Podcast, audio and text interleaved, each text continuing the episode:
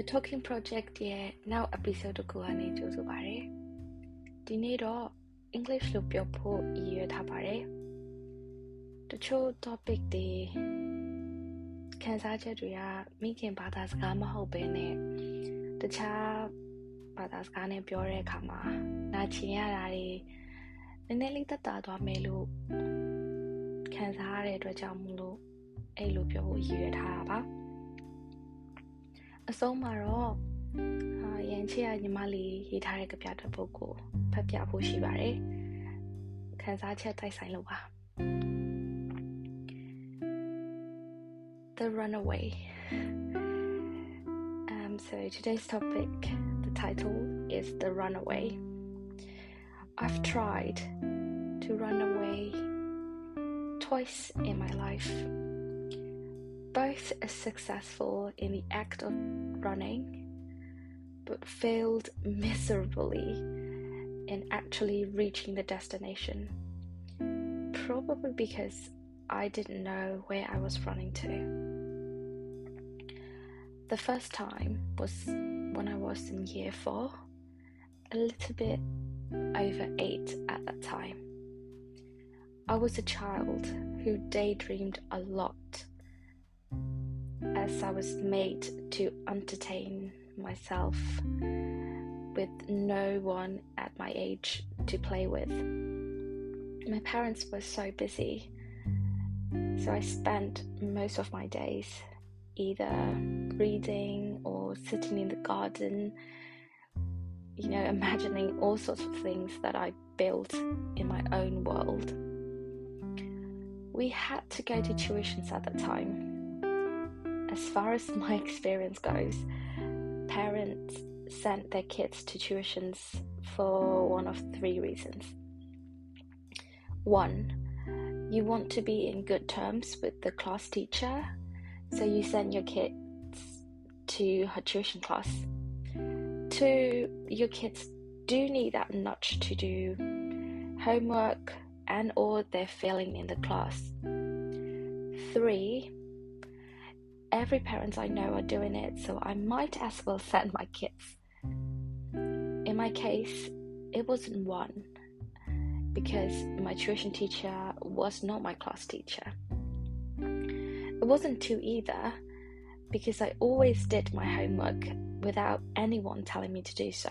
So I left with number three.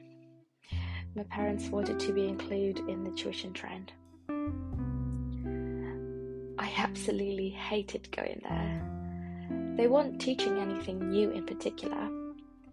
So one summer day, I decided to skip. Usually, someone would have accompanied me to tuition, but on that day, everyone was busy. My parents went to the wake of an autism child who lived across the lake. Our ancestral home was by the lake at the time. I was on my way. Then I remembered looking at the house, the funeral house, I mean. I could feel the sadness floating in the house. As the child, though he was older than me at that time, was loved by everyone. I saw my parents comforting, comforting the parents, and a thought struck my mind it was like I was given given a choice to do whatever I wanted on that day. I was free from going to the tuition. Then on that spot, I decided to go somewhere. But ironically, I did not know anywhere else. So I went up to the stairs of the attic in in the garage and laid in silence until I had thought of better plans to do something else. But I ended up falling asleep. I had been missing for four hours when our driver found me in the attic around six in the afternoon. You can imagine, my mom was so pissed everyone everyone thought I was kidnapped on the way to the tuition, even though it was only ten minute walk. They went to the police and even arranged a search party when our driver came up to the attic to fetch something. I had no idea what was going on. There were a lot of people in the garden, in the living room, and everyone was talking at the same time. I was taken into my own room. I was asked a lot of questions, but my answer remained the same. I did not want to go to the tuition, so I went up to the attic. Though it was my bad that I did not think to tell anyone, but it was the plan all along. I wanted to feel free. My mum was angry at me for as long as I could remember. She would still cook my favorite food, um, chicken and potato curry, but she would not look at me for weeks. I was heartbroken because we were quite close at that time. I don't exactly remember how we reconciled. And whenever someone outside the family talked about that incident, I was always the spoiled, the troubled, ungrateful kid until now. I didn't know any better to explain how and why I wanted to feel free on that day, but would they have believed and acknowledged that I simply wanted to feel free, even if I could explain at the time? I don't think so. People would have formed their own speculations anyway. That was my friend, my first attempt to run away. The second time was much more complicated. I mean, the things that built up for me to make that impulse decision to run away. And it was not from home this time, it was from the boarding school. I was given a gift during my final year in high school. It was a Fuji film camera. It was a thoughtful gift, a very thoughtful one, I must say so document the memories. I even bought a film roll from an, from with my allowance. But before I did so, I was just playing around, clicking and you know, choosing the frames that I liked. But what happened was at that time we were in the class waiting for the teacher and as I was playing around, I did not realize that the camera would soon be the exact object of the troubles yet to come. I only bought the film roll after the class, so whatever I was clicking before that was not documented at all. But boys in my class thought the opposite. They told their tutor at the boarding school that I was taking their pictures without their consent. I think at the age of 16, barely 17, they wanted to be at the center of attention. You know, wanted to be popular for no particular reason at all. What's ironic was the tutor believed so and told the principal. You know what happened next? They confiscated my camera without any solid reason. Um, it took quite some time to develop the develop the films. So I was in a kind of awkward wait, waiting situation. And something else also happened. I wasn't sure of my orientation during my teens. I did not have a relationship with anyone, but still I was a bit over friendly with the girl. She was a repeater and a year older than me. We were talking, laughing, holding hands, smiling if we bumped into each other in the hallway, etc. I am pretty sure those were harmless to anyone. But again, the tutors didn't think so. They thought it was an abomination. They made sure the principal knew my misbehaviors, as they liked to name so. At that time, my parents were called. Still, I had absolutely no idea that I was being watched, or it was such a deadly sin to flirt with a girl. Every one of my friends, except me, knew that I was going down. Looked like I was so wrapped, wrapped up in my own world again. That day, we were walking back from school, and I saw my parents' car driving in the direction of the boarding school. And one of the gulls could not stay in silence any longer and slipped, almost in pride, of the schemes that the tutors were plotting against me. I was shocked that I didn't know what else to do. I was very coward, I must say. So I took the opposite turn and started running. I was running, and all kinds of thoughts were running alongside me. I was thinking of going to another city, but I did not have any cash, and it would soon be dark and would not be wise to wander alone. Then I got to the house of my year 8 teacher. It was so funny and awkward at the same time because my teacher wasn't even at home at that time. So her dad sat with me in the living room and tried to form a conversation. Poor him. Then they found me. I was such a fool. So I was taken back to the boarding school to the principal's office. My mom was crying. The funny thing was that she didn't even ask me what happened. It's like she did not feel the need to know my story.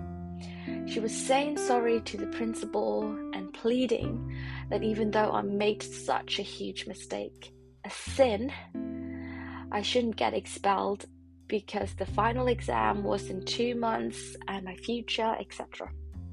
The principal took out the photographs and showed as a solid evidence even though there wasn't any picture of the boys who started the gossip, who claimed that I took their pictures, obviously.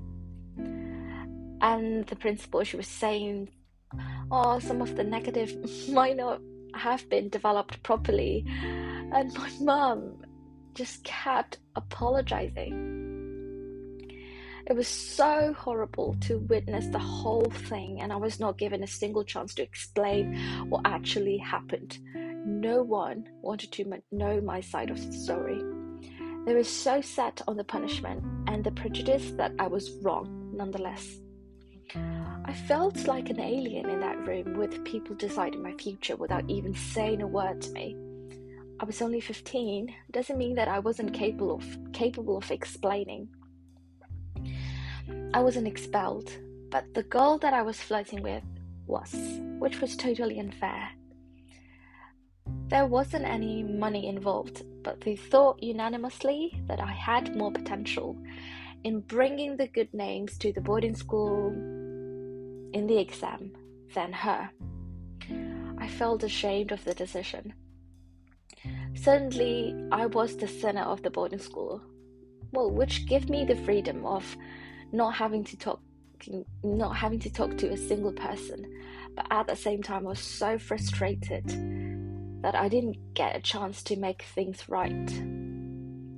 It felt awful to feel powerless, like you had no control over whatever happening in your life. Of course, I feel sorry that I made my mom so worried, but only if she listened to me, listened to what I had to say, instead of apologizing so blindly. What is crazy is that until today, my mom does remember that I was nearly expelled, but did not remember why. I, I just don't see any point in reminding her or clearing my name anymore. And the girl, I looked for her ex- after the exam to apologize, tried to make contact, but wasn't successful. I did bump into her after a few months later, but she was on my on her motorbike and I was in my car and they were driving at such speed and I couldn't possibly shout at her. So that was the last time that I saw her. Though I didn't make the decision myself, they chose me not to expel, and that means I was partially at fault for what happened to her. I mean, she got to sit the exam, but it must have been chaotic to prepare for the exam mean, I still still need to thank her for the first kiss. We we both had to pay such a heavy price after all. Painful memory for me indeed. Um, yeah, that was it. So I'm, I'm gonna read the poem. Um, Yamali Diri. ကြပြပေးဖတ်တဲ့အတွက်ကျေးဇူးတင်ပါတယ်ဒါဟာစက်သိမ်းမပါတဲ့အဖြူအမဲရုပ်ရှင်တစ်ခုသာနာကျင်ရင်ရီမောနေရတာက virus အသစ်ပဲနာကျင်သူတွေမြင်ရတယ်နာကျင်မှုတွေမြင်ရတယ်သူလိုကိုလိုတွေ ရှုသွင်းလိုက်တဲ့မိခိုးငွေတွေကငိုတန်တွေနဲ့လုံးထွေးဆိုင်နေငါဟာပဲလန်းတော့တော့ဘဲမှမရောက်တဲ့ကံကြမ္မာနဲ့မှကိုကိုကိုမြားမိရတာဖြစ်ခဲ့ပြီ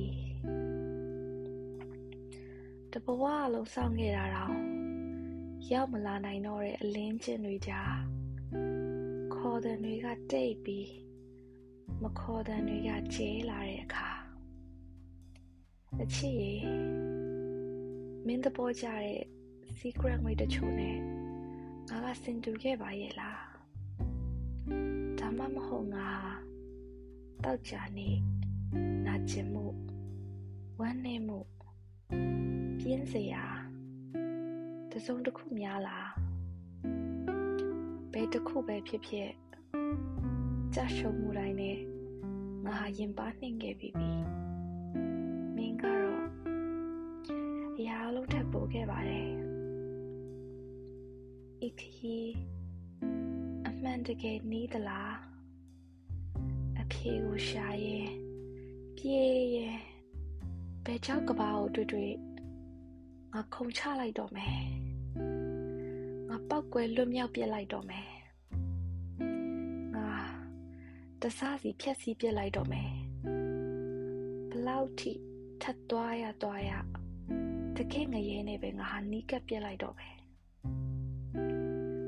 တတိပေချက်ပြမိပင်မှိတ်သွားပြီအလင်းမဲ့ကျဲတကောဟာပြက်ကျသွားပြီ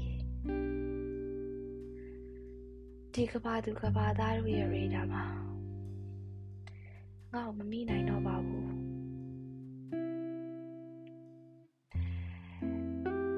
ချိန်ထိနားထောင်ပေးတဲ့အတွက်အကုန်လုံးကျေးဇူးတင်ပါတယ်